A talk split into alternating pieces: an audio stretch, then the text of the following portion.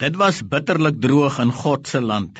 Dit het 7 jaar laas gereën en die damme was dol leeg. Ook Jakob het die ellende van die droogte aan sy lyf gevoel. Op 'n dag moes Jakob sy seuns bymekaar roep om hulle na Egipte te stuur om graan te gaan koop.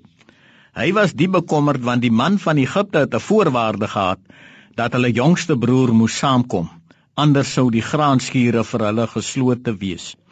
Toe stuur Jakob vir die man van Egipte 'n flesie heuning. Waarom juis heuning? Heuning was allereers beskou as 'n gebaar van vriendskap. Wanneer huweliksmaats gestry het en daar later vrede gemaak was, het hulle vir mekaar heuning gegee. Heuning was ook as medisyne gebruik. Dan was heuning ook die draer van feesvreugde, want by troues en onthale was daar gebak voortgesit wat met heuning versoet was. Ons woon vandag in 'n stikkende land met stikkende mense. Daar heers onder ons 'n ander soort droogte. Ons sien dit aan die hoë egskeidingssyfer, aan korrupsie wat 'n lewenstyl geword het, aan misdaad wat die hoogte ingeskiet het en aan drank en dwelmverslawing wat by die dag toeneem. En 'n mens vra vir jouself, is daar dan niks opbeurends in hierdie stikkende wêreld van ons nie? Is daar geen goeie nuus wat 'n mens met mekaar kan deel en wat die lewe die moeite werd kan maak nie?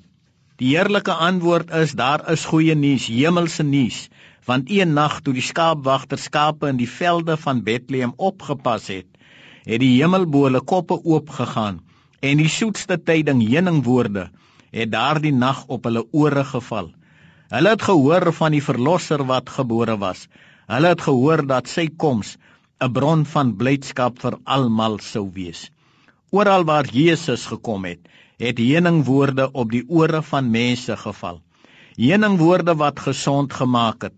Heuningwoorde wat verfris het. Heuningwoorde wat vrede gebring het.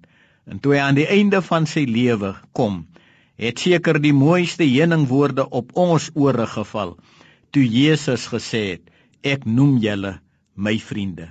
Ek wonder of ons nie soms te veel kla en net die donker kant van die lewe raak sien nie. Ek kom nou die dag by die huis van 'n Christen. Sy tuine is pragtig versorg. In sy oprit staan een van die duurste motors. Sy hele gesprek het gehandel oor klagtes. Hy was met niks tevrede nie. Alles was volgens hom skynbaar teen hom. Dieselfde dag kom ek by die huis van 'n persoon wat in 'n reistool gesit het. Beide sy bene was geamputeer en tog het hy oorgeloop van blydskap en vrede. Die Here is vir my goed, dominee, was sy woorde.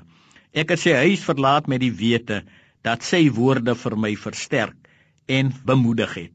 Kom ons word daders van die woord. Hoe lyk die woorde wat ons daagliks teenoor mekaar besig? Dra dit die smaak van heuning met hulle saam. Die Vader weet ons het woorde van heuning in hierdie getuisterde land van ons nodig.